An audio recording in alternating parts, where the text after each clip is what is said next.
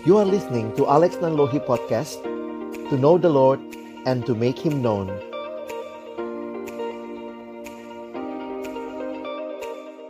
Kita sama-sama berdoa sebelum kita membaca merenungkan firman Tuhan. Bapa di dalam surga, biarlah pujian yang kami naikkan menjadi kerinduan hati kami. Ajarkanlah kehendakmu kepada kami. Nyatakanlah apa yang menjadi rencanamu di dalam dan melalui hidup pelayanan kami. Waktu sore hari ini kami persembahkan ke dalam tangan pengasihanmu. Kami mohon ketika kami akan membuka firmanmu, bukalah juga hati kami.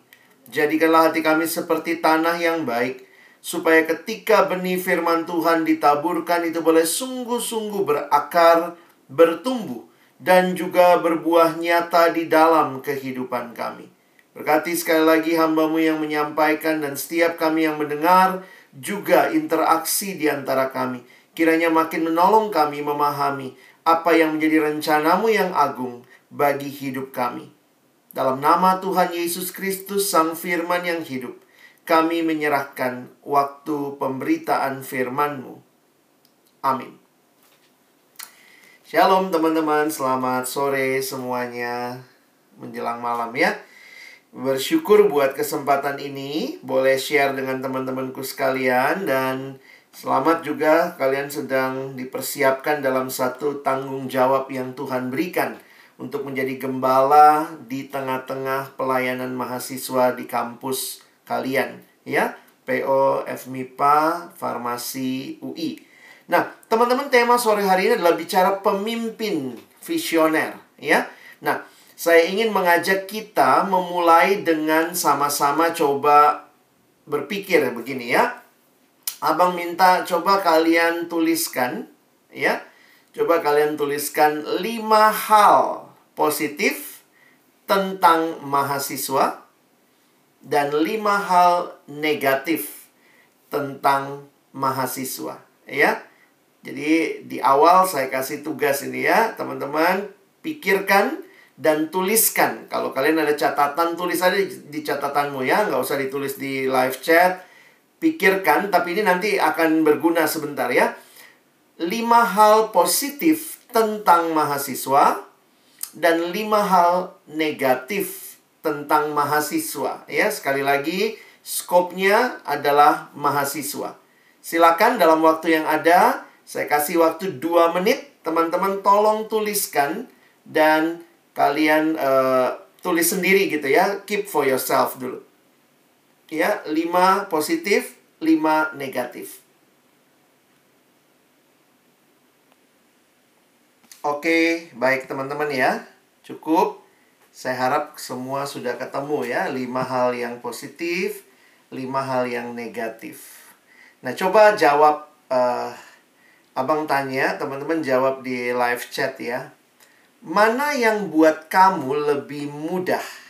Menuliskan yang positif atau menuliskan yang negatif? Silakan, buat kamu mana yang lebih mudah? Menuliskan yang positif atau menuliskan yang negatif? Silakan, boleh dijawab.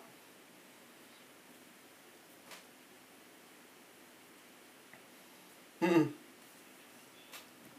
Lebih gampang yang positif sih, karena nggak tahu sih kayak uh, kualitas aku ngeliat kayak kalau mahasiswa lebih maksudnya walau terlepas dari negatifnya banyak hal positif yang kayak bisa didapat dan juga hal-hal negatifnya lebih karena mereka juga masih belajar gitu jadi makanya kayak ya nggak bukan yang negatif kayak buruk banget gitu sih kalau gitu bang. Oke. Okay. Thank you. Agak yang lain?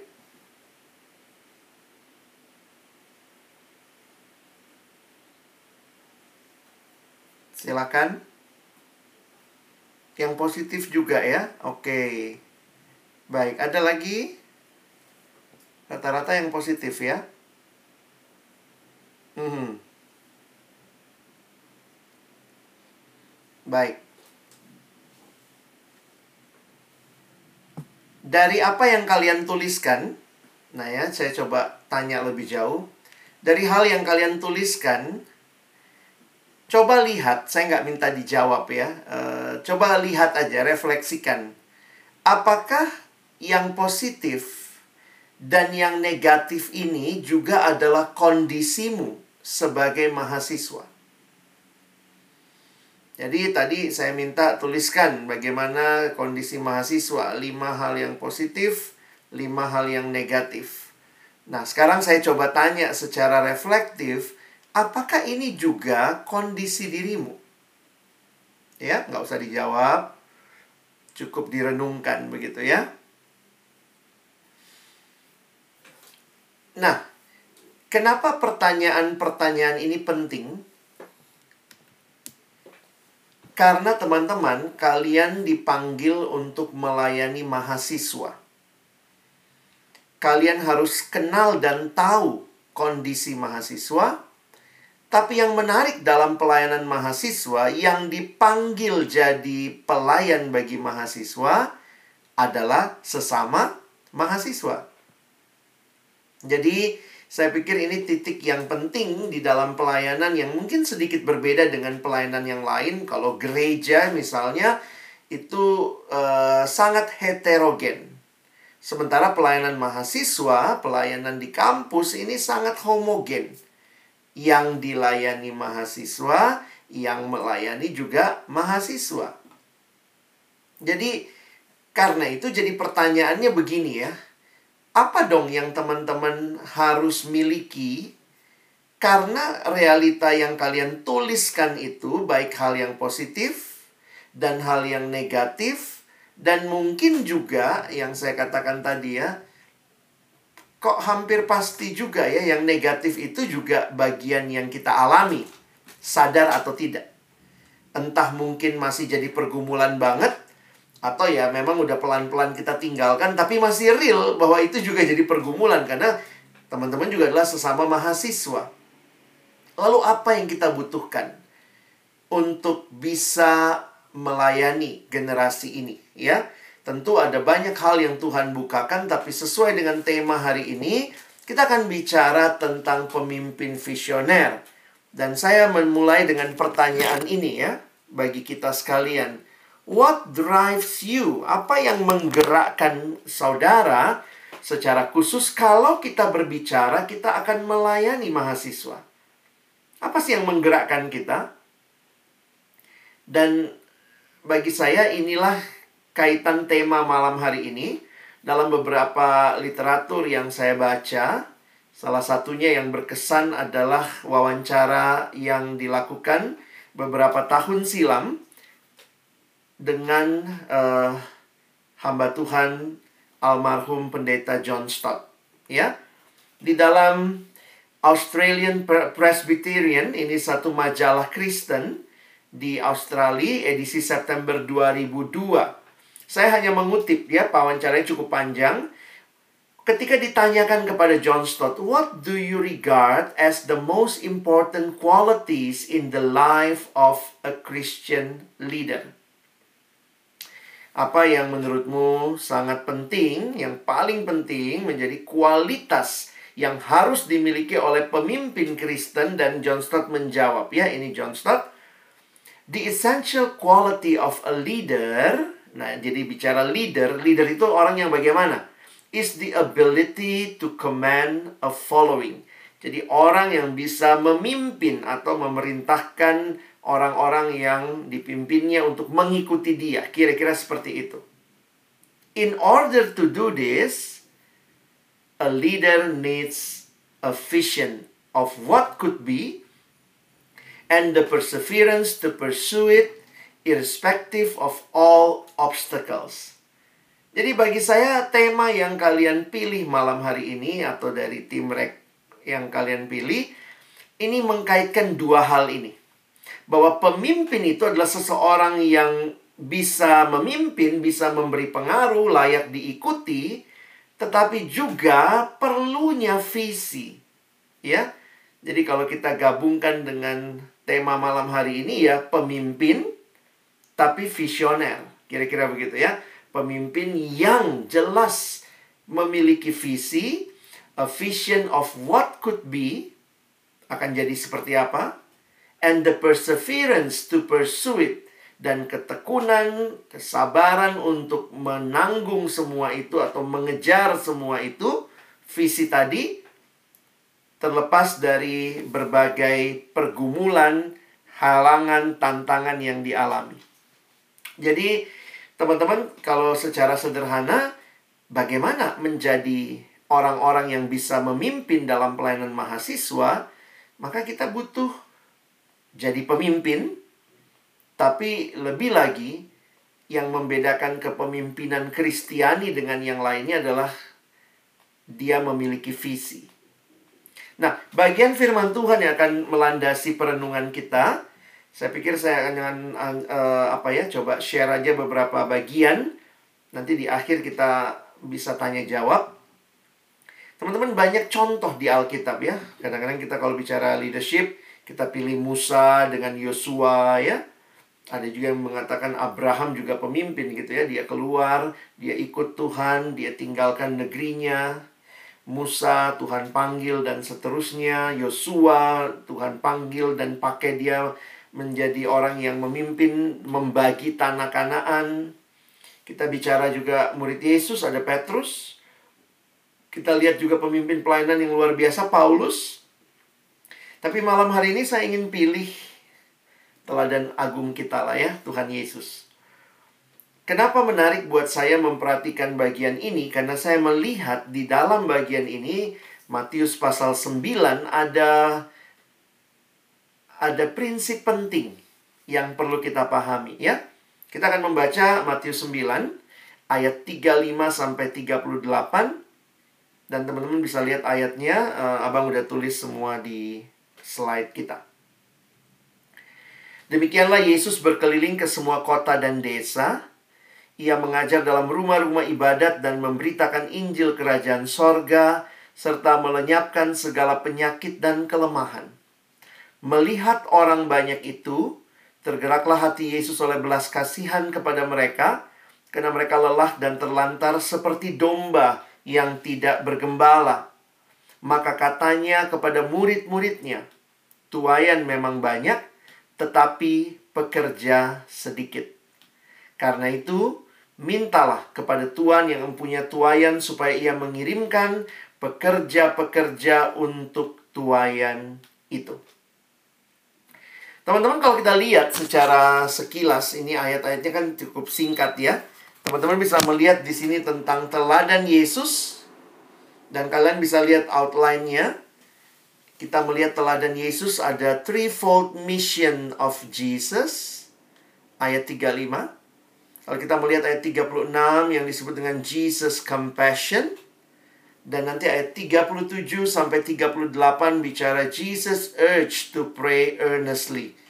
Yesus mendorong untuk berdoa dengan sungguh-sungguh, ya.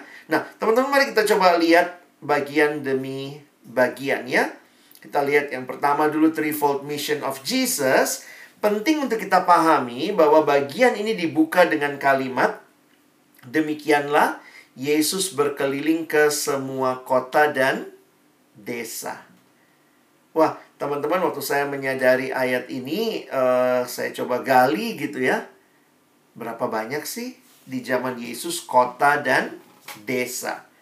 Lihat di sebelahnya ini daerah-daerah pelayanan Yesus kalau kita ingat dari uh, Galilea di bagian utara dia ke bawah ke arah Yudea di situ ada Yerusalem jadi kalau kita perhatikan Yesus itu bagian pelayanannya itu ya Galilea, Yerusalem, Yudea, Galilea, Yudea, Galilea, Yudea gitu ya bolak-balik begitu. Nah, yang menarik dikatakan dia berkeliling ke semua kota dan desa.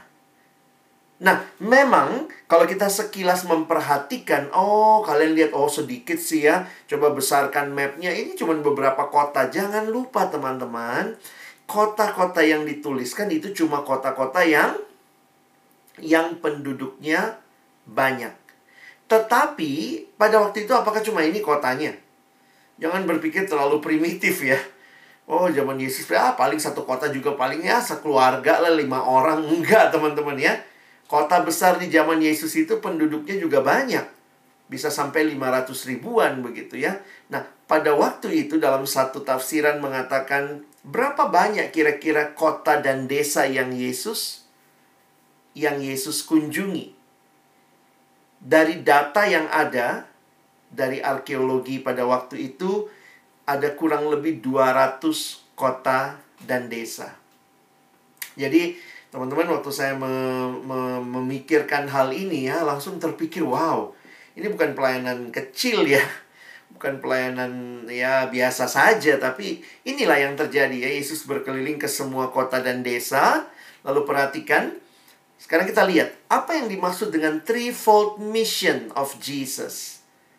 Kalau teman-teman memperhatikan pelayanan Yesus ya ini kota dan desanya nanti kalian bisa cek sih ya sebenarnya lebih dari itu ya Dikatakan dia mengajar dalam rumah-rumah ibadat dan memberitakan Injil kerajaan sorga serta melenyapkan segala penyakit dan kelemahan. Kalau kita bisa lihat apa yang menjadi strategi pelayanan Yesus menarik juga nih ya. Dia ngajar. Nah, perhatikan di mana dia mengajar. Jadi kalau kita perhatikan mengajar dikaitkan dengan rumah-rumah ibadat. Berarti Yesus mengajar kepada siapa? Di rumah ibadat adanya orang Yahudi. Kalau dia mengajar mereka, orang Yahudi berarti yang dia ajarkan adalah firman Tuhan. Karena orang Yahudi punya kitab perjanjian lama. Jadi, mengajar di rumah ibadat, itu audiensnya Yahudi. Audiensnya adalah orang-orang yang sudah punya Taurat. Dan perhatikan apa bedanya, karena kadang-kadang kita pikir oh sama aja, mengajar dan memberitakan Injil. Tapi ada penekanan yang diberikan oleh Matius waktu mencatat kisah ini. Ia mengajar dalam rumah-rumah ibadat dan memberitakan Injil kerajaan sorga. Waktu bicara memberitakan Injil kerajaan sorga, banyak penafsir mengatakan mengkaitkan ini dengan pengajaran atau pemberitaan Injil bahkan di luar rumah ibadat. Memang misi Yesus masih fokus kepada bangsa Israel. Kalau kita perhatikan dalam konteks waktu itu, karena itu Yesus keliling ke sinagoge-sinagoge di tiap-tiap tempat yang dia datangi. Tetapi juga kalau kita perhatikan, ia memberitakan Injil kerajaan sorga. Kesempatan seperti mengajar khotbah di bukit itu bukan di dalam rumah ibadat, tetapi di luar dan itu secara umum. Memang kemungkinan besar audiensnya masih sama karena Yesus fokus kepada orang-orang Yahudi.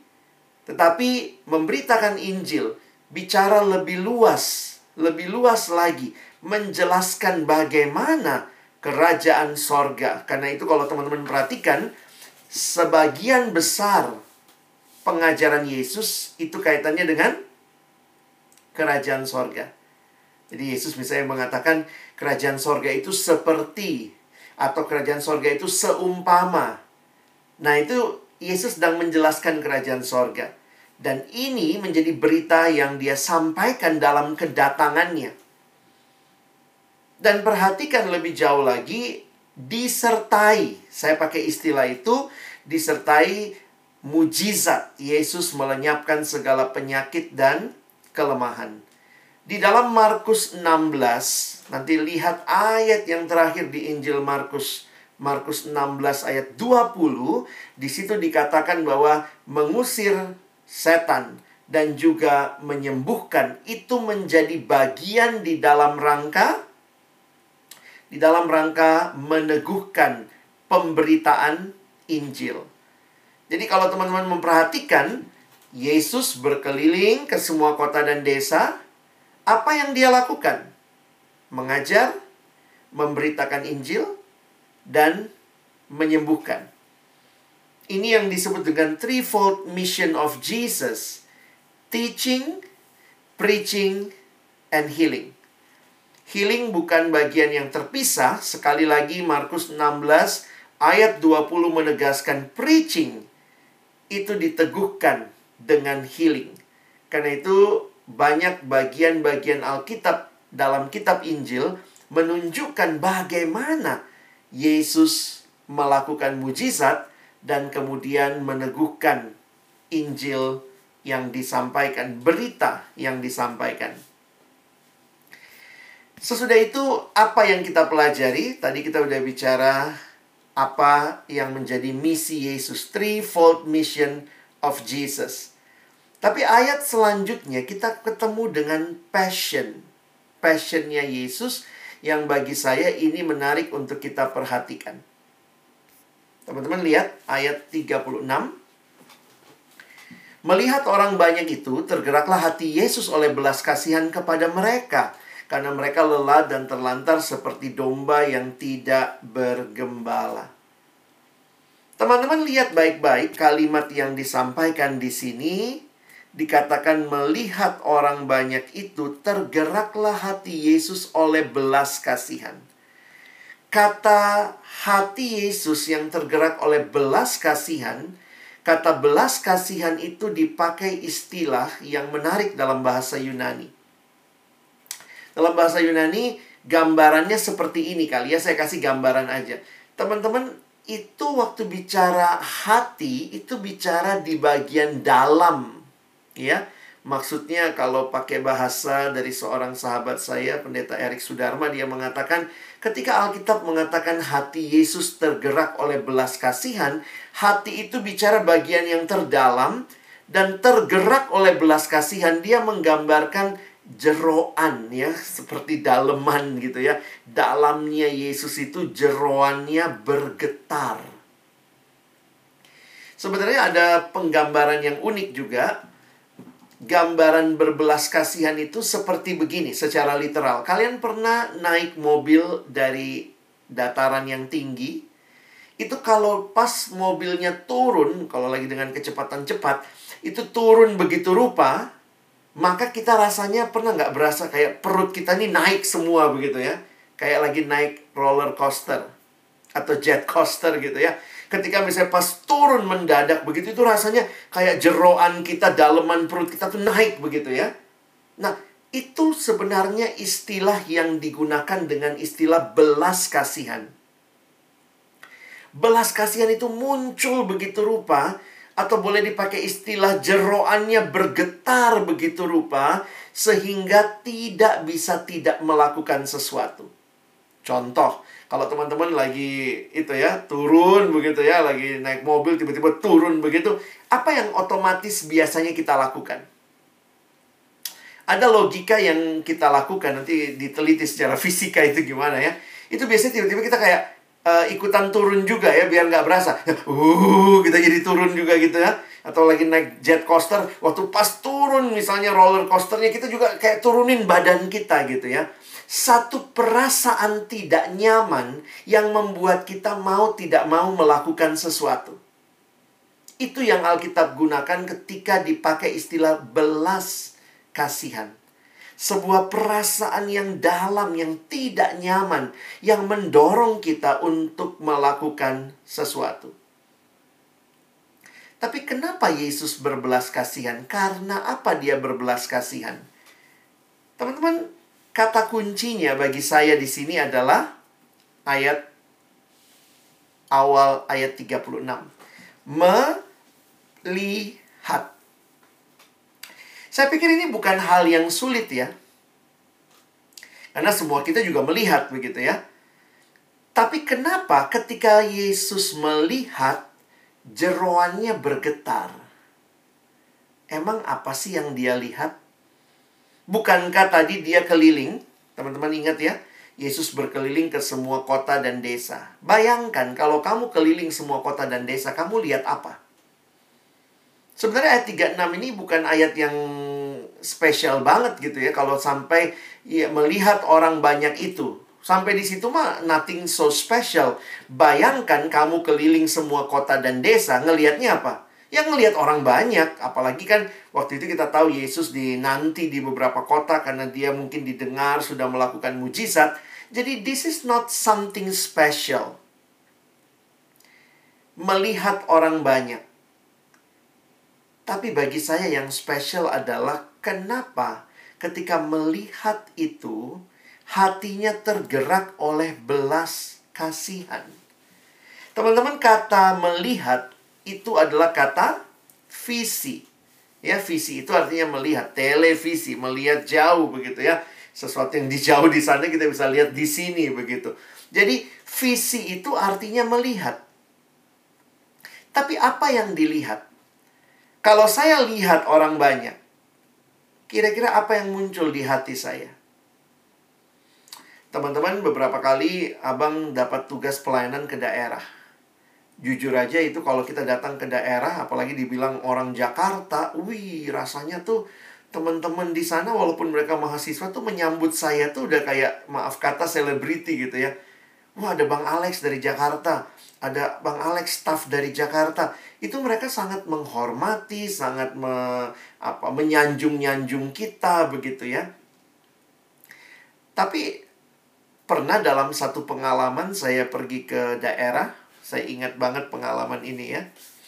Waktu itu saya datang ke satu kota di Sumatera dan biasalah sekali lagi, wah ada staff dari Jakarta. Saya tugas waktu itu mimpin ibadah Jumat. Setelah saya pimpin ibadah Jumat, ya sekali lagi karena ada staff dari Jakarta, biasanya mereka memanfaatkan kesempatan Teman-teman tahu apa yang mereka lakukan? Mereka semua antri minta konseling. Jadi banyak tuh kalau di daerah suka gitu ya. Bang, boleh nggak ngobrol? Oh iya gitu ya. Nah, jadi uh, waktu itu kami pakai satu ruangan, tapi ruangan itu kemudian uh, terlalu kecil begitu ya. Jadi akhirnya uh, saya ketemu dengan teman-teman itu di luar, ada satu lapangan rumput, kami di rumput begitu ya duduk-duduk sambil mereka gantian. Saya ingat sekali ada yang datang ya, kita persetuan Jumat waktu itu dari jam 11 sampai kira-kira jam 1. Jadi kemudian datanglah satu anak gitu. Nah anak ini PKK, saya ingat banget. Terus dia bilang gini, Bang, ada waktu nggak bang? Ah, ada waktu. Saya bilang, oh iya ya ada, ada gitu ya. Adik kelompok kecil saya mau sharing sama abang. Oh iya iya boleh boleh boleh. Ya udah, jadi datanglah dia bawa adiknya Terus dia bilang Bang tolongin ya Jadi saya ngobrol lah sama adik kelompok kecilnya Itu kira-kira ngobrol setengah jam Dia cerita Lalu kemudian kita berdoa bersama Dan waktu itu ya kita rasanya sebagai pelayan Tuhan juga ya Wow ya Dilihat nih dari Jakarta Lalu apalagi waktu dia cerita Iya bang saya belum pernah cerita sama siapa-siapa pergumulan ini Wow rasanya Ya Tuhan pakai saya gitu ya Setengah jam dari jam 1 selesai ibadah, dia sharing sama saya sampai sekitar jam setengah 2. Setelah sharing sama dia, ada yang ngelihat saya kosong, tiba-tiba ada lagi yang datang. Bang kosong nggak bang? Oh iya iya, uh, boleh nggak cerita? Oh silahkan gitu ya. Wah datang lagi satu, cerita lagi cerita lagi. Wah jadi sangat merasa wow luar biasa ya. Saya dibutuhkan begitu. Saya doain, setelah doain, lihat jam, wow, sudah jam 2. Adik-adik di sana sudah beliin saya makan siang, cuma belum sempat makan, ya. Saya belum sempat makan. Setelah selesai sama adik ini, tiba-tiba ada lagi yang datang. Abang kosong nggak? Jadi ternyata mereka udah nunggu-nunggu. Jadi beberapa orang itu setelah ibadah ternyata mereka nggak pada pulang gitu ya. Mungkin nggak ada kuliah lagi jam selanjutnya. Jadi mereka nunggu begitu. Jadi waktu mau ngomong, Bang kosong nggak? Oh iya kosong. Wah, datanglah sharing lagi gitu. Teman-teman tapi jujur ya, saya juga udah mulai merasa terganggu. Kenapa? Saya lapar. Saya belum belum makan gitu ya. Tapi ya saya pikir ya udah saya tunggu. Ya dari awalnya merasa wow saya dibutuhkan lama-lama saya mulai merasa terganggu. Terus datang lagi nih. Jadi saya ingat hari itu datang lagi. Dan pertanyaan yang saya paling takut waktu itu adalah bang kosong nggak? Ya jadi setiap kali saya dengar kalimat itu langsung terbayangkan apa? Pasti minta waktu dia akan ambil lagi waktu saya. Jadi jujur teman-teman pengalaman itu akhirnya saya makan jam 3-an gitu ya udah jam 3 lewat begitu karena semua pada ngantri sharing itu pun ada yang ada yang nyelak gitu ya ada panitia bilang udah abangnya makan dulu. Puji Tuhan ada yang ngerti gitu ya. Nah kenapa saya cerita ini? Teman-teman awalnya saya melihat orang banyak itu saya wow ini orang-orang yang luar biasa mengagumi saya begitu ya tapi jujur ketika mereka sudah mulai datang dengan kebutuhan mereka datang dengan kebutuhan mereka kalau saya boleh pakai pengandaian ini, melihat orang banyak itu, kesel saya. Ini orang-orang yang bakal bakal ngerepotin saya. Teman-temanku, saya harus katakan ini untuk kita. Jangan-jangan kalau kita nggak waspada,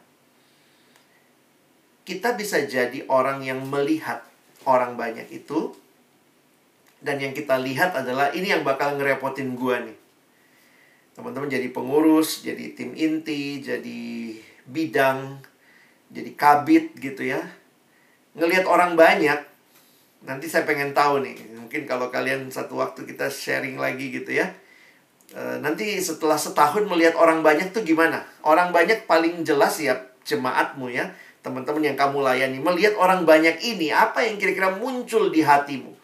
Saya harus katakan setelah melewati pergumulan hari itu, saya harus katakan Tuhan, saya minta hati seperti hatimu. Yang ketika melihat mereka, saya tidak ngelihat mereka sebagai orang yang ngerepotin. Awalnya mah saya seneng gitu ya, disukai banyak orang, didatangi banyak orang. Tapi saya harus katakan Tuhan untuk saya bisa stay terus melayani. Mendengar orang-orang yang datang dengan keluhan mereka. Mereka yang waktu datang, melihat mereka pun saya udah takut. Wow, makan siang saya mundur lagi setengah jam. Bagaimana engkau akan melihat orang-orang yang kau layani?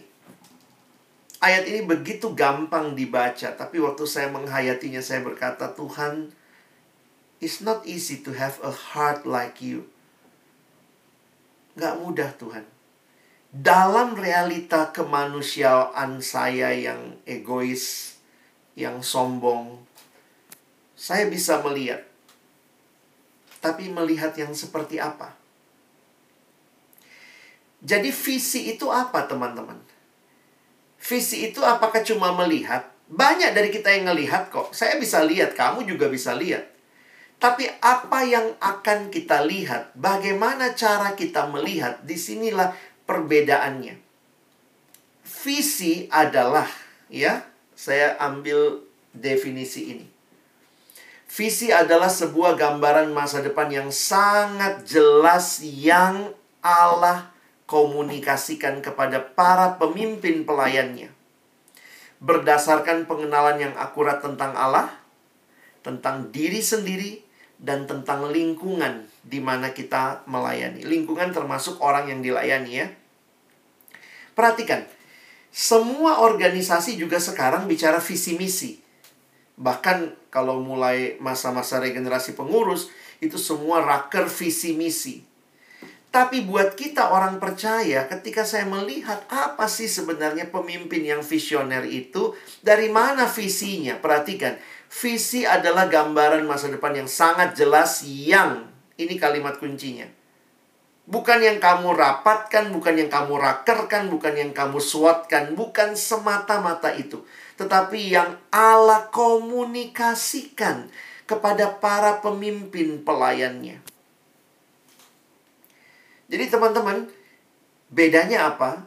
Kadang-kadang kita bikin raker, kita kalau organisasi lainnya bikin raker, rapat, bikin SWOT untuk menentukan visi misi ke depan. Tetapi bagi kita, visi misi itu bukan hanya sekadar, itu bisa Tuhan pakai. Tetapi visi misi itu adalah apa yang Allah komunikasikan. Jadi kalau saya pakai gambaran begini ya, saya buka kacamata nih ya. Dengan mata, saya bisa melihat. Tetapi, apakah itu visi? Visi itu lebih dalam poin saya adalah visi itu apa yang Tuhan berikan untuk kita lihat dengan kacamatanya Tuhan.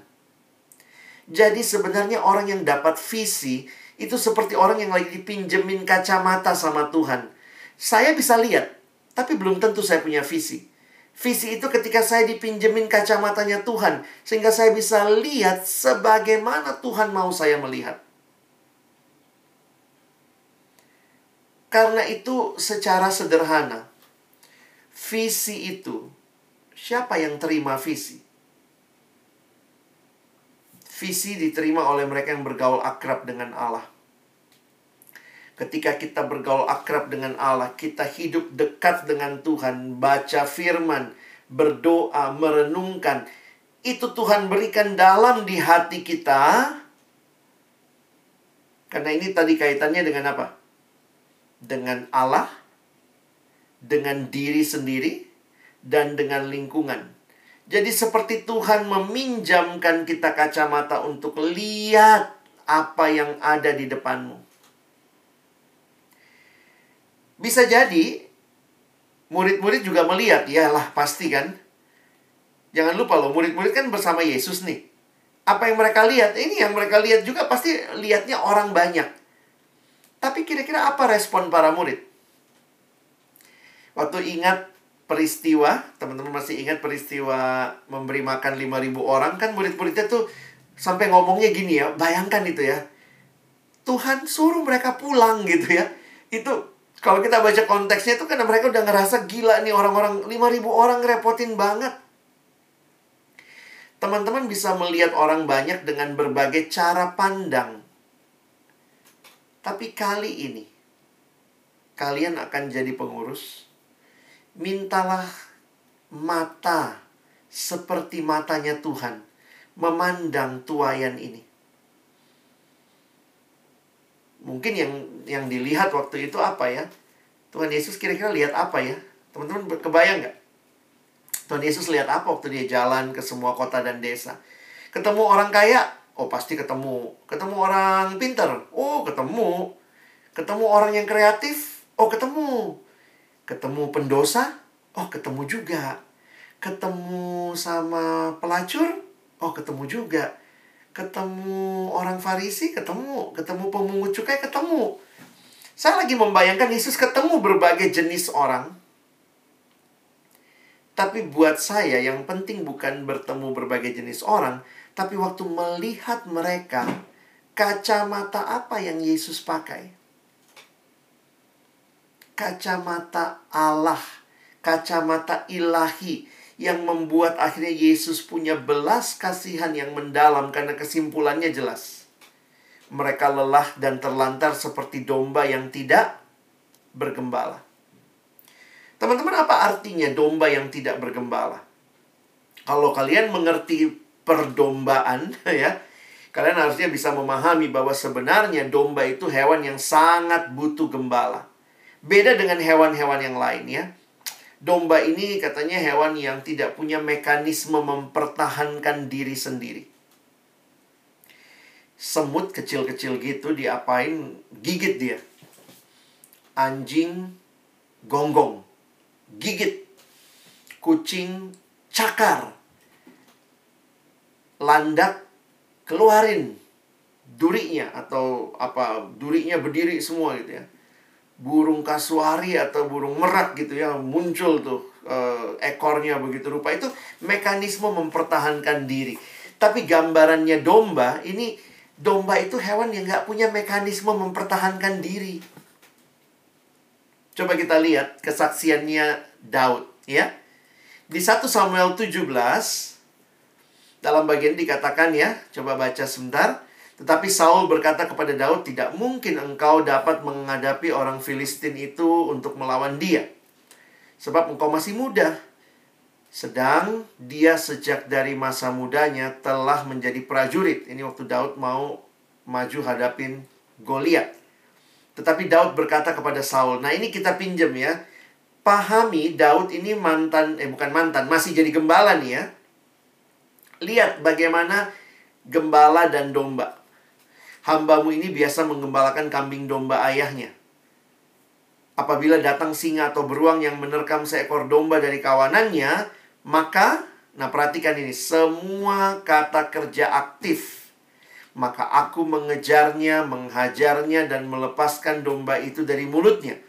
Kemudian apabila ia berdiri menyerang aku, maka aku menangkap janggutnya lalu menghajarnya dan membunuhnya baik singa maupun beruang telah dihajar oleh hambamu ini dan orang Filistin yang tidak bersunat itu, ia akan sama seperti salah satu daripada binatang itu, karena ia telah mencemooh barisan daripada Allah yang hidup. Perhatikan ayat 35 gitu ya. Dombanya ngapain? Yang sibuk siapa nih? Gembalanya. Aku mengejarnya, menghajarnya, melepaskan domba itu dari mulutnya. Dombanya ngapain? Dombanya pasrah sempurna. Saya kalau lagi bayangin ya dombanya mungkin dicaplok gitu ya sama singa. Dombanya ngeliatin gitu ya. Mungkin ngomongnya cuma gitu. Om singa sakit, jangan gigit terlalu keras dong. Sakit om, tapi dia nggak ngapa-ngapain. Inilah domba hewan yang sangat helpless. Karena itu domba selalu harus bersama gembala. Jadi Tuhan memberikan gambaran yang sangat indah. Dia mengatakan aku gembala, kamu domba. Itu sebenarnya gambaran yang kamu nggak bisa hidup tanpa aku. Nggak ada yang namanya domba bisa survive tanpa gembala dalam konteks realitas sehari-hari. Lihat, di, diterkam aja dianya diem aja, dia punya pasrah sempurna. Saya pernah jelaskan waktu kita pembinaan di kampus ya. Waktu bicara kepada para pemimpin kelompok kecil, saya bilang, inilah realitanya domba dan gembala. Itu nggak terpisahkan sebenarnya. Jadi waktu Yesus ngomong, mereka seperti domba tak bergembala, itu artinya satu. Binasa. Binasa, teman-teman Wah, waktu saya mengerti ini, saya jadi amazed gitu ya. Mudah, gampang melihat. Tapi melihat sampai kedalaman apa yang ada paling dalam dari realitas setiap orang. Saya pikir ini hanya Tuhan yang bisa kasih kita mata seperti itu.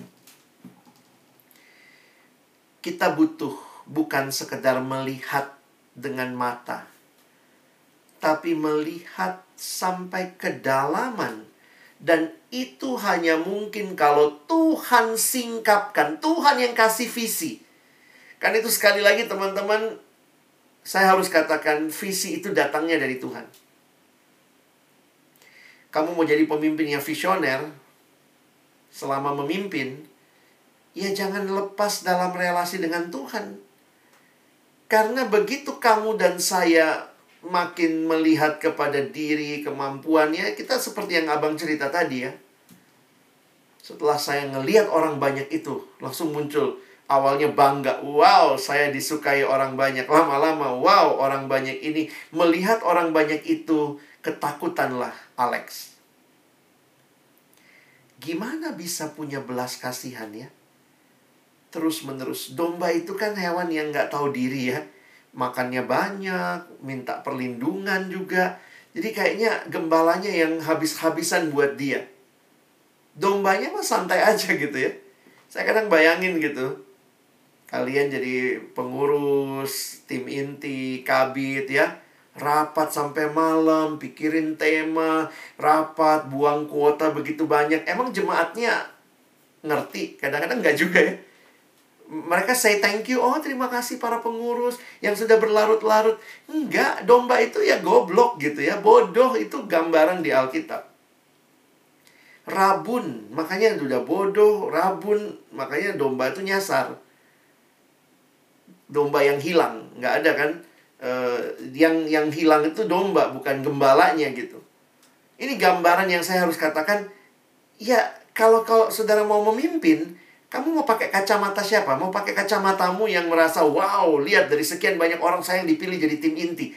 Asik, bukan dia, saya. Kalau cuma itu kacamata kita, paling dua bulan, tiga bulan itu udah capek. Pelayanan gak dihargai, uh, kita bikin saya saya beberapa kali dulu inget ya saya waktu awal-awal karir dalam pelayanan di kampus di Visip UI saya jadi tim buletin ya. Kalian nggak tahu tuh masih ada nafiri nggak yang dicetak ya? Dulu kan ada ya itu paling kesel ya teman-teman ya. Kita udah sampai tengah malam begadang bikin artikel segala macam. Kita ketikin saya ingat pergi ke warnet segala macam. Kita fotokopi besoknya. Saya ambil di fotokopian. Terus kita bagiin sama jemaat waktu dia datang. Eh kemudian waktu pulang ada yang tinggalin di bawah bangku lah. Ada yang bekas kaki juga ada tapak kaki di situ. Ketemu tahu-tahu ada yang ketemu uh, buletin kami di kantin tergeletak begitu aja. Kadang-kadang kesel banget loh. Jujur kesel ya. Beberapa kali berpikir gila ya gue udah mati-matian nih memberi diri. Nggak dihargai juga gitu. Kita butuh mata seperti apa nih ya untuk melayani? Kalian mau jadi pemimpin yang visioner?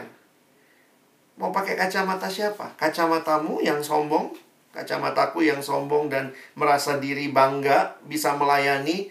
Saya tim inti, saya dipilih dari sekian banyak orang, gila kan hebat banget gue ya. Atau kita minta seperti Tuhan, Tuhan kasih saya mata terus memandang mereka dengan belas kasihan ilahi yang bisa melihat tanpa Yesus mereka binasa, tanpa Yesus mereka binasa. Karena itu saya mau berkorban, saya mau memberi yang terbaik, saya mau melayani, saya mau susun program yang terbaik, saya mau buat tema-tema yang terbaik supaya mereka melaluinya bisa kenal Tuhan. Beda sekali mata yang melihat hanya sekedar melihat dengan mata yang melihat dengan visi dari Tuhan, dengan kacamata dari Tuhan seorang perempuan yang buta yang dikenal dalam sejarah namanya tim uh, namanya Helen Keller. Helen Keller 1880 sampai 1968 dalam satu kalimat yang pernah ditanyakan kepada dia, ditanyain begini ya. Helen, what would be worse than being born blind? Karena dia buta dari sejak lahir. Apa yang sangat sedih dengan kondisi kamu lahirnya buta? Wah, kalimat dia yang sangat menggugah. Dia mengatakan begini. To have sight without vision. Nah, ini pas banget ya dia buta ya. Dia buta to have sight without vision. Banyak orang bisa lihat karena matanya berfungsi dengan baik, tapi belum tentu punya visi. Karena visi dari Tuhan. Sementara mungkin dia tidak pernah bisa melihat secara khusus dengan matanya, secara fisik. Tapi dia punya visi yang Tuhan tanamkan dalam di hatinya. Tadi abang minta kalian lihat lima hal tentang temanmu positif, lima hal yang negatif. Kalian mau layani mereka? Mesti lihat mereka, mesti tahu kondisi mereka. Tapi sekarang saya minta, lihat lagi daftar itu. Take time, 1-2 menit ini. Lihat lagi daftar itu. Dan belajarlah minta sama Tuhan. Tuhan tolong saya lihat mereka. Bukan cuma dengan daftar, oh mahasiswa kreatif. Kalau semua kelebihan itu, semua kekurangan itu, di balik kamu melihat itu semua, apalagi yang Tuhan bukakan kepadamu? Seperti saya katakan tadi, pasti Yesus bertemu dengan berbagai jenis orang. Ada yang positif banget, uh ini orang luar biasa.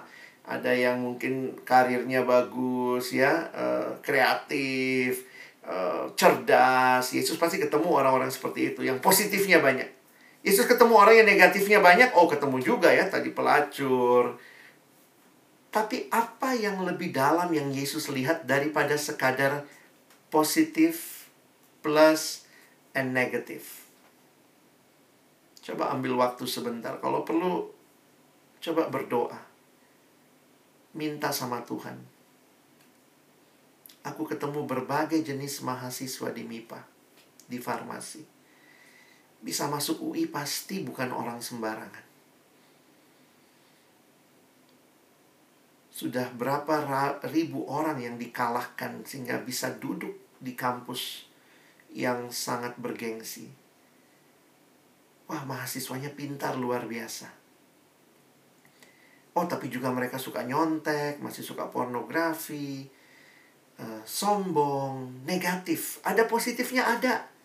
Ini orang-orang pintar ada negatifnya ada. Tapi kalau Tuhan minta kamu lihat mereka sekali lagi. Lihat. Baik yang pintar.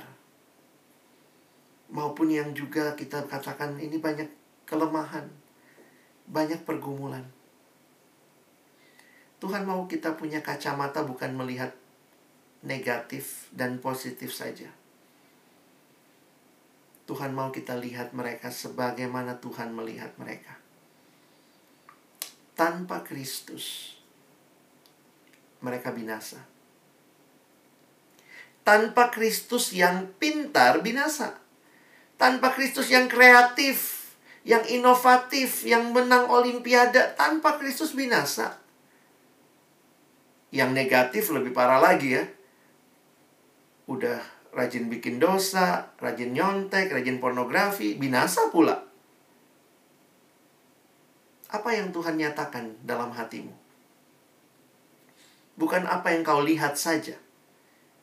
Tapi ketika kau lihat itu, apakah Tuhan berikan hati yang menangis melihat orang yang sangat pintar tapi tanpa Kristus mereka binasa.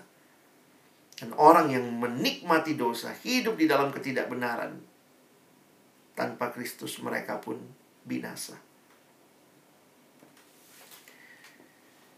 Seorang anak datang pada saya satu waktu dan cerita begini, Kak Alex saya ngalamin sesuatu, apa ya namanya kak? Terus saya tanya, apa pengalamanmu? Lalu dia cerita, saya sudah lama tidak doakan mama saya. Jadi anak ini seorang dari latar belakang non-Kristen. Lalu ketika SMA dia sekolah di sekolah Kristen. Akhirnya dia jadi Kristen sungguh-sungguh dan waktu dia di Kristen sungguh-sungguh itu, dia tahu mamanya, karena dia hanya hidup dengan mamanya, mamanya belum percaya. Setiap hari dia doakan mamanya. Tapi seiring berjalannya waktu, dia masuk kuliah kedokteran, dia makin sibuk. Sibuk, sibuk, sibuk, sibuk, ya mulai aktif di persekutuan segala macam, eh mulai lupa doain mamanya. Lalu kemudian satu waktu, dia saat teduh, teman-teman dia saat teduh dan waktu dia saat teduh saya tanya saat teduhnya dari mana dan dia cerita pagi itu Kak Alex saya cuma saat teduhnya dari Yohanes 3 ayat 16 ayat yang sudah sering saya baca saat teduh dapatnya itu lagi gitu ya. Tapi dia katakan nggak tahu ya kenapa hari itu? Ya. Waktu dia cerita saya sudah beberapa hari kemudian ya makanya dia nanya saya ngalamin apa ini kak? Dia bilang kenapa hari itu Waktu saya lihat firman itu, saya diingatkan lagi tentang mama saya. Yang sudah mulai jarang saya doakan karena saya makin sibuk. Saya masih tinggal sama mama, tapi kayak saya lupa gitu ya. Tapi pagi itu kayak Tuhan memberikan kacamata baru buat saya untuk lihat mama saya. Mama yang tiap hari saya ketemu. Tapi hari itu Tuhan kayak kasih kacamata baru lihat mamamu tanpa Kristus mamamu binasa. Dan hari itu dia kemudian berkata kak saya mau mulai doain lagi mama saya. Saya mau mulai belajar kabarkan Injil. Saya nggak tahu bagaimana caranya tapi Tuhan kasih beban itu. Dan dia hari itu dia katakan dia berkobar-kobar sekali. Terus dia tanya saya ngalamin apa kak? Saya cuma bilang kamu alami visi karena visi itu dimulai dari apa? Ya kalau lihat ini ya Visi itu lahir dari ada kondisi, tapi kemudian, ya kondisinya itu ya, tanpa Tuhan binasa, tapi kemudian Tuhan kasih firman dan doa, makanya harus hidup dekat dengan Tuhan. Ketika kita diberikan firman dan doa, relasi pribadi dengan Tuhan, maka kondisi dan firman Tuhan, firman Tuhan menerangi kondisi, memberikan kita visi. Makanya kadang-kadang untuk tim inti kita minta ya dalam kebiasaan di UI coba bikin SWOT jemaat. Tapi teman-teman nggak cukup bikin SWOT ya. Kalau kalian bikin SWOT, oh anak MIPA farmasi itu begini, strengthnya ini, weaknessnya ini, kadang-kadang nggak serius, nggak sungguh-sungguh bergantung sama Tuhan, merasa diri pinter. Silahkan kalian bisa buat semua SWOT itu, termasuk yang kayak abang bilang tadi ya, coba lihat lima hal positif, lima hal negatif. Tapi mintalah dari Tuhan Ketika engkau lihat kondisi itu, biarlah firman Tuhan, relasimu dengan Tuhan, itu membakar hatimu untuk melihat mereka dengan kacamata Tuhan. Kadang-kadang karena kalian layaninya mahasiswa juga, rasanya udah ya udah saya lah itu ya. Udah diri kita itu. Padahal ya realitanya kan ini menyedihkan nih. Mahasiswa butuh Kristus. Jadi teman-teman waktu saya memperhatikan hal seperti ini, kenapa kita butuh pemimpin yang visioner? Supaya pemimpin-pemimpin ini membawa orang kepada Kristus karena dia tangkap visi dari Kristus. Kita nggak sekedar butuh orang yang pintar manajemen, yang bisa bisa mengatur persekutuan dengan baik dan menata dengan baik. Bukan hanya sekadar itu. Kita butuh orang-orang yang melihat setiap jemaat dengan belas kasihan Kristus. Karena itu akan mati-matian memberi waktu, memberikan tenaganya, memberikan pemikirannya. Bagaimana supaya orang-orang ini berjumpa dengan Kristus? Teman-teman dalam perenungan dan aplikasi yang saya pikirkan juga. Karena saya pernah ngalamin juga seperti itu ya. Ketika Tuhan percayakan pelayanan di kampus, saya ingat waktu bikin SWOT dan segala macam. Terus ada satu ayat nih ya yang berkesan ya. Tadi saya lewatin ayatnya. Ini ayatnya. Air mataku berlinang seperti aliran air karena orang tidak berpegang pada Tauratmu. Waktu itu saya renungkannya begini ya. Coba kalau kalian lihat temanmu nyontek, apa yang muncul di benakmu? Oh bisa aja macam-macam ya. Lihat temen nyontek bisa jadi nyontek. Tapi kalau kita juga tukang nyontek, melihat mereka, ih nyontek, sama, gue juga gitu ya. Tapi kalau hidup kita diterangi oleh firman Tuhan, maka cara kita melihat, ketika melihat ada yang nyontek, maka di dalamnya adalah Tuhan kasih belas kasihan ilahi. Mungkin kita menangis melihat mereka. Air mataku berlinang seperti aliran air. Karena apa? Karena melihat orang tidak berpegang pada Tauratmu. Kapan terakhir kali kamu nangis? Nangisnya karena apa? oh tadi siang kak kejepit pintu nangis juga ya sakit banget. Oh tadi eh, nggak uh, sengaja pegang mata habis pegang cabai jadi nangis kak. Tapi waktu saya perhatikan ayat ini, alasan pemazmur berkata air mataku berlinang. Karena ada kondisi orang-orang yang tidak hidup berpegang pada Tauratmu. Kalian ada di MIPA Farmasi. Kalian setiap hari ketemu mahasiswa, kalian pun mahasiswa. Bagaimana kalian melihat mereka? Kalian pakai kacamatanya siapa? Apakah kalian menangis melihat mereka yang tidak hidup berpegang pada firman? Dan karena visi itu, ada belas kasihan yang dalam sehingga tidak bisa tidak melakukan sesuatu. Itulah yang tadi saya jelaskan ya belas kasihan karena orang butuh Kristus membakar hati kita untuk mau melakukan sesuatu. Tanpa Kristus, mahasiswa binasa. Mereka butuh Kristus. Bagaimana mereka kenal Kristus? Bersyukur ada persekutuan PO. Dan PO itu harus ada yang ngurusin. Harus ada yang, ya nggak mungkin kan tiba-tiba saya datang begitu ya ya saya diundang gitu kalian yang undang kenapa? Ada tim reknya ada orang-orang yang yang menyelenggarakan PO ini. Kita butuh sebuah wadah tapi wadah ini butuh ada yang ngurusin karena itu terus ada regenerasi. Ada generasi yang baru. Siapa yang mau meneruskan pelayanan ini yang mau memandang teman-temanmu dengan kacamata ilahi? Makanya ayat 37 menarik ya kalau kita perhatikan ini bagian terakhir, maka katanya, kata Yesus kepada murid-muridnya, tuayan memang banyak tetapi pekerja sedikit. Betulkah pekerja sedikit? Karena lihat ayat 38. Karena itu mintalah kepada Tuhan yang mempunyai tuayan supaya ia mengirimkan pekerja-pekerja untuk tuayan itu. Teman-teman, di dalam konteks waktu itu, siapa yang harusnya menjadi gembala bagi domba-domba? Dalam konteks orang Israel pada waktu itu sebenarnya pemimpin mereka adalah ahli Taurat dan orang Farisi. Karena mereka lah yang memimpin di sinagoge-sinagoge. Dalam data sejarah, paling tidak di zaman Yesus hidup ada kurang lebih dua ribuan gembala yang bertugas di sinagoge di Israel pada waktu itu.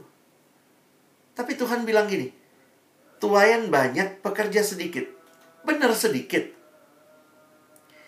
Kalau lihat konteksnya, maka cara membaca ayat ini kira-kira begini ya.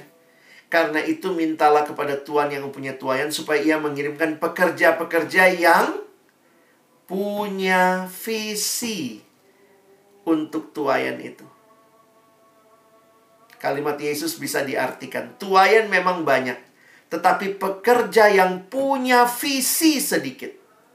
Pekerja yang melihat jemaat dengan kacamata ilahi. Itu sedikit. Yang banyak adalah yang melihat mereka dengan kacamata ah ini bikin repot. Atau seperti orang-orang Farisi, waktu lihat jemaat, dia berpikir, apa keuntungan yang saya bisa dapat dari jemaat? Karena itu digambarkan janda pun rumahnya mereka telan. Itu betapa busuknya kepemimpinan yang tidak punya visi. Tapi kepemimpinan untuk diri sendiri.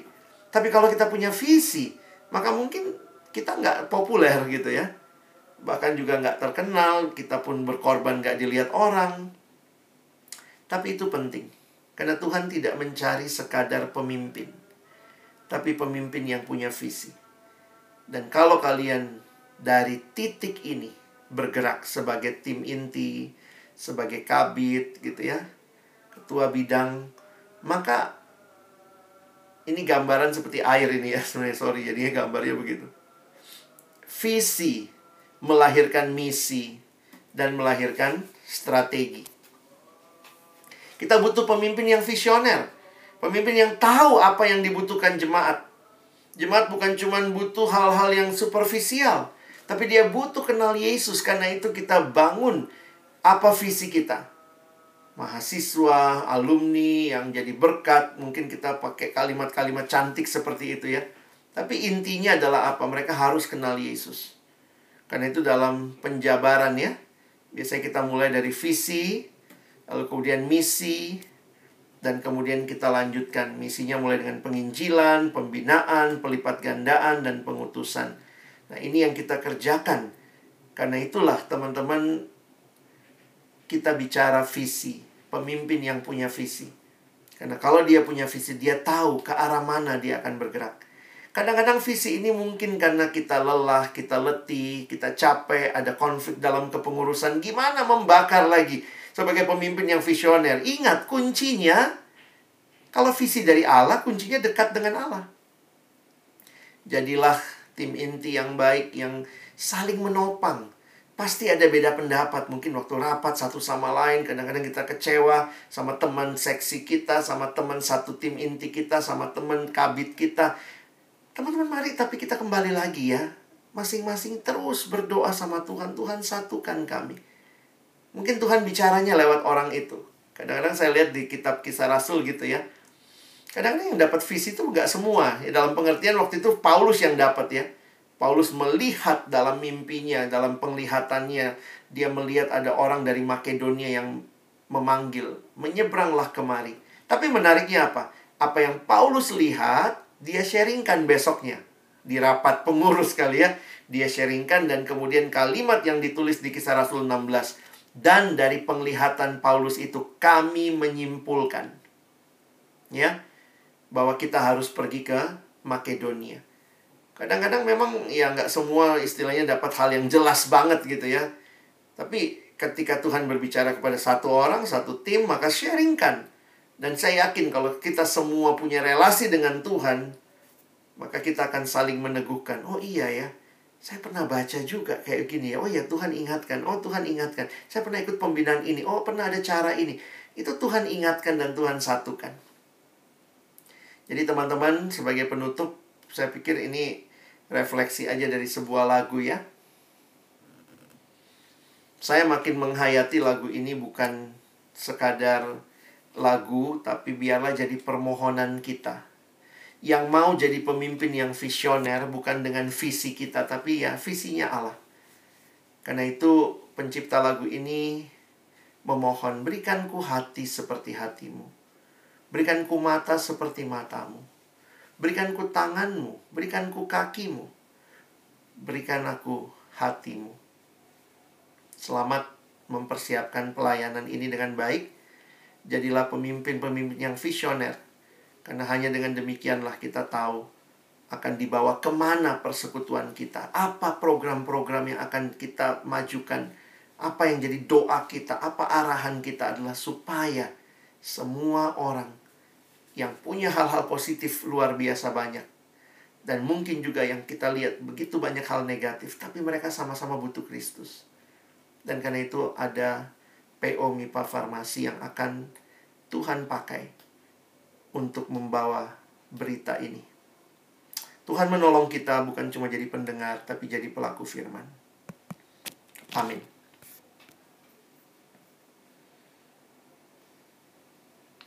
Oke, terima kasih Bang Alex. Uh, teman-teman, uh, sekarang waktu teman-teman kalau misalnya ada pertanyaan, uh, boleh langsung disampaikan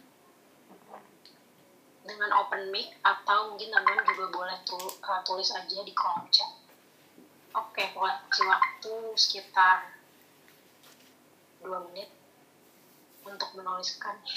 Atau kalau ada yang mau langsung open mic juga boleh.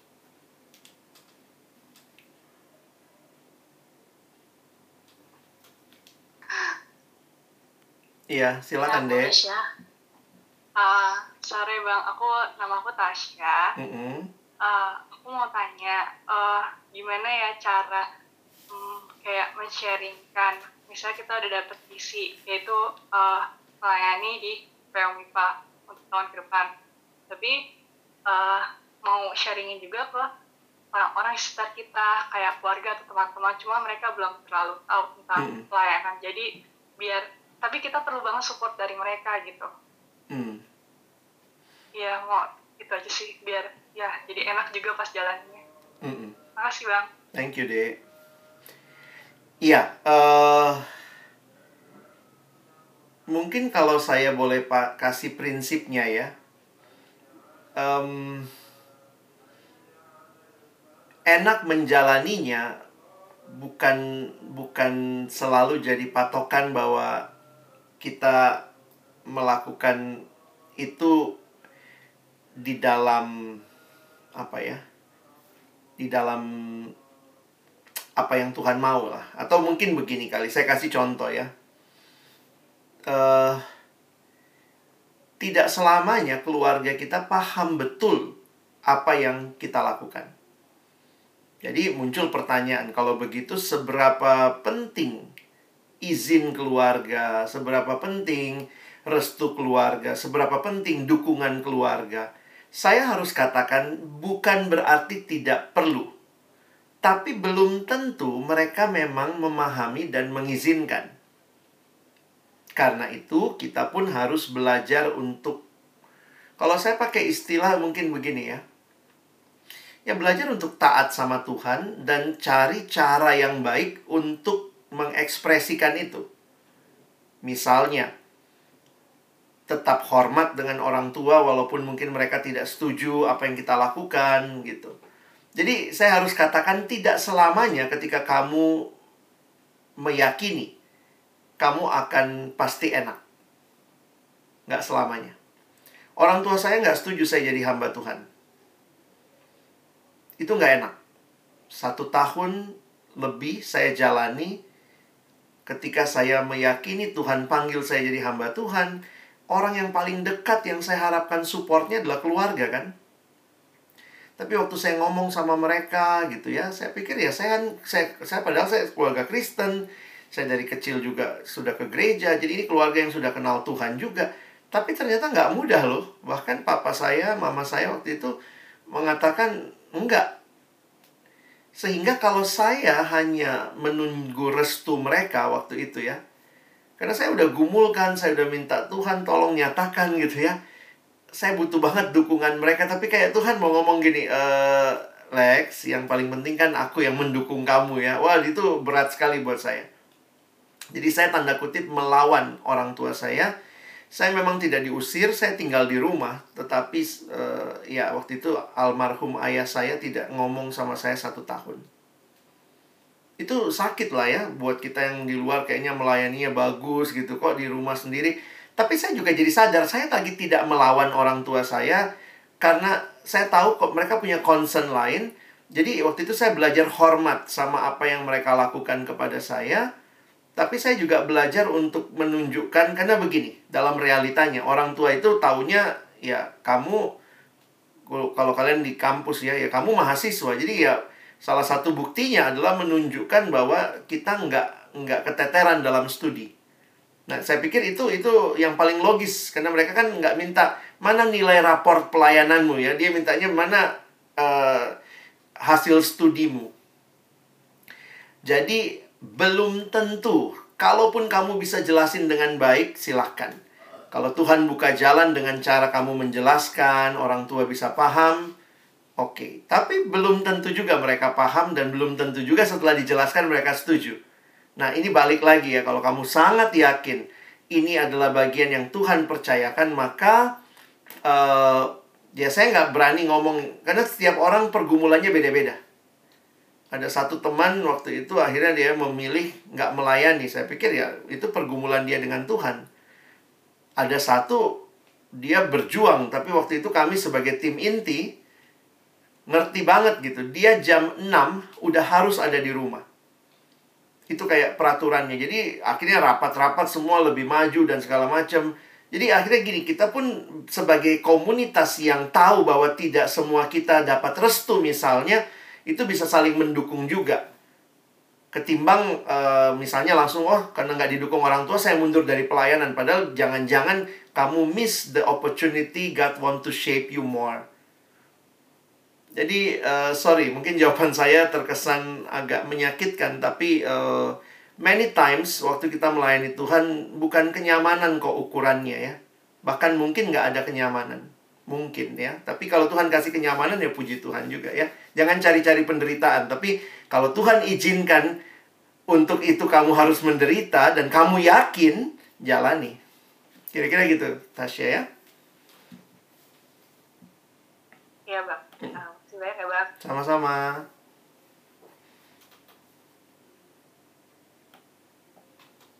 nanya bang iya silakan ini panggilannya siapa Gebi bang Gebi ya iya gimana Gebi ya aku mau nanya bang kalau uh, ketika kita dikasih sebuah visi gitu secara hmm. pribadi sama Tuhan mungkin ini sekalian agak curhat gitu sih bang hmm.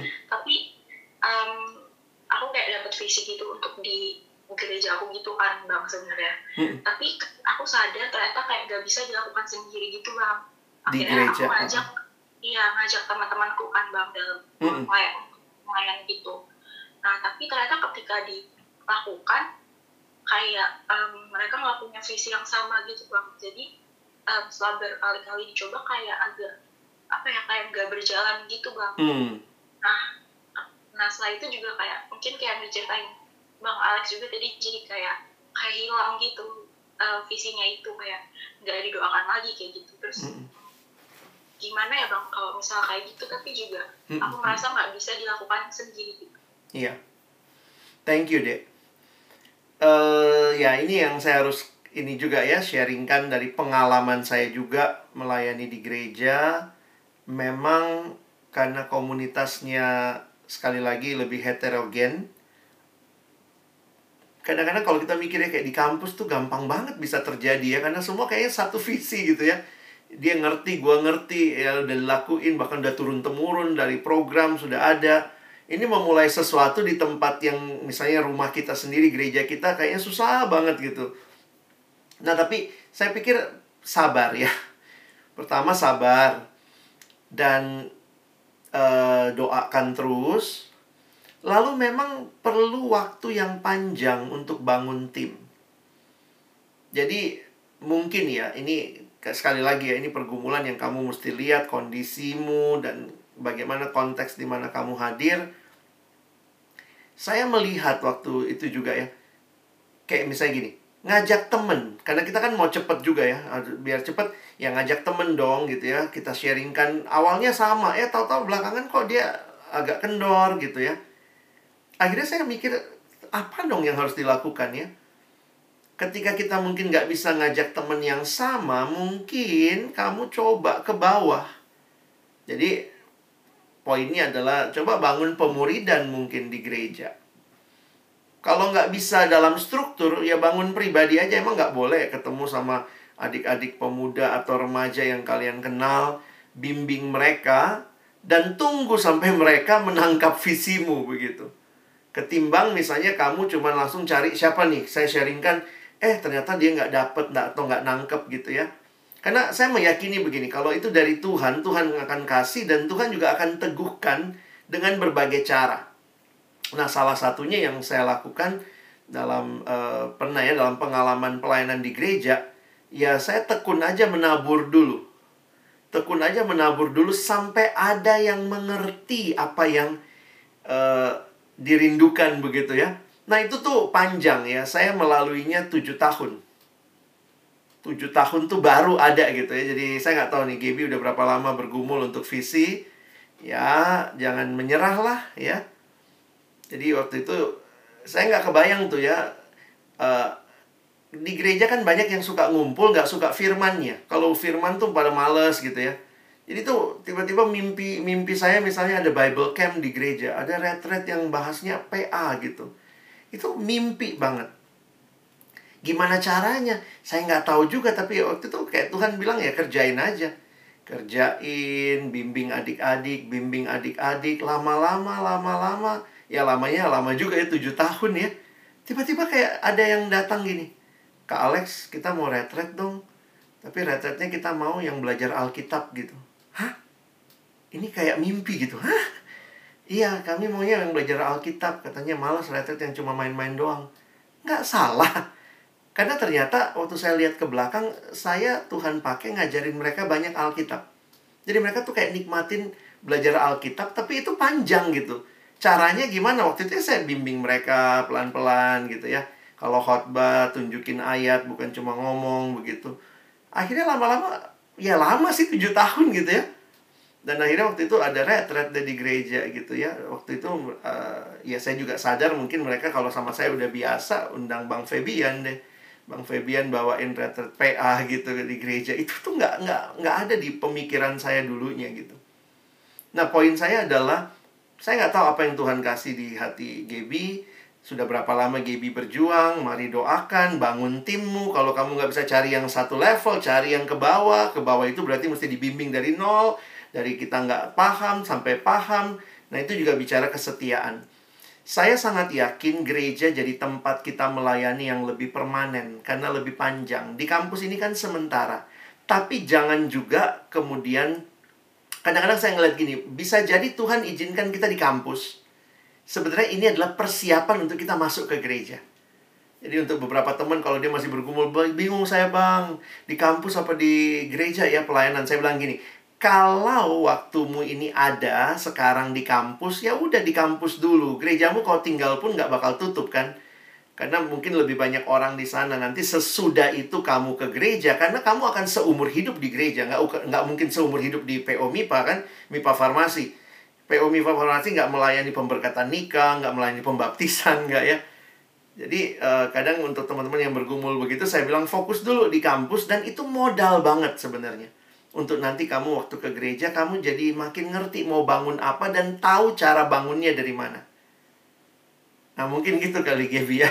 Never easy, but uh, kalau Tuhan kasih doain ya. Oke, makasih Bang. Sama-sama.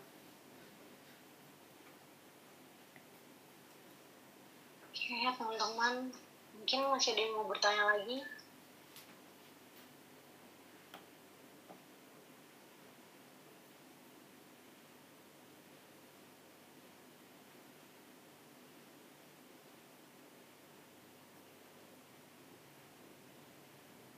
Oke, okay, thank you. Ini Arga mesti live duluan ya. Oke, okay, Arga. Hmm. Uh, terkait apa yang juga aku dapatkan dari pembinaan hari ini yaitu tentang uh, pemimpin visioner uh, yaitu visi yaitu kan tadi gambaran masa depan yang uh, sangat jelas yang Allah komunikasikan kepada pelayannya berdasarkan juga pengenalan yang akurat tentang Allah diri sendiri dan juga uh, lingkungan. Dan um, menjadi pemimpin visioner itu butuh mata yang melihat bukan sekedar melihat tapi mata yang dapat melihat kedalaman dengan visi dari Tuhan. Nah, oleh sebab itu, teman-teman, mari kita terus-menerus berrelasi dengan Allah yang akan menyatakan visi itu lewat saat teduh, doa, dan juga terus minta roh kudus memimpin agar kita bisa memiliki hati seperti Allah dan juga dapat melihat sekeliling kita sebagaimana Allah melihat. Oke, mari teman-teman, eh, aku mau ajak teman-teman untuk menyanyikan lagu sebagai respon firman Tuhan. Mari satukan hati kita berdoa. Tuhan, terima kasih buat apa yang Tuhan nyatakan di dalam pembinaan kami sore malam hari ini. Seperti pujian yang kami naikkan, satukan kami, perlengkapi untuk melayanimu. Secara khusus melayani jemaat Tuhan yang Tuhan hadirkan di kampus kami. Berikan kami mata seperti matamu ya Tuhan, memandang tuayan di sekitar kami. Berikan hati yang dibakar oleh semangat memberi diri bagi sesama, supaya mereka juga boleh mengenal siapa Tuhan Yesus, satu-satunya Tuhan dan Juru Selamat. Mereka boleh bertumbuh dalam iman mereka, dan akhirnya boleh semakin hari semakin serupa dengan Kristus. Dan untuk itu kami bersyukur sekali lagi. Kami yang lemah, kami yang terbatas, kami yang berdosa Tuhan pakai sekali lagi untuk menjadi alatmu untuk menggenapkan kehendakmu di kampus kami di PO FMIPA Farmasi UI. Terima kasih. Tolong adik-adikku di dalam rangka menjalankan tugas ini, mengemban amanat agung Tuhan di kampus, biarlah mereka benar-benar dikuatkan, diteguhkan bagi kemuliaan-Mu. Satukan kami lengkapi untuk melayanimu. Kami bersyukur menutup pembinaan kami malam hari ini dalam satu nama yang kudus, nama Tuhan Yesus Kristus kami sudah berdoa, bersyukur. Amin.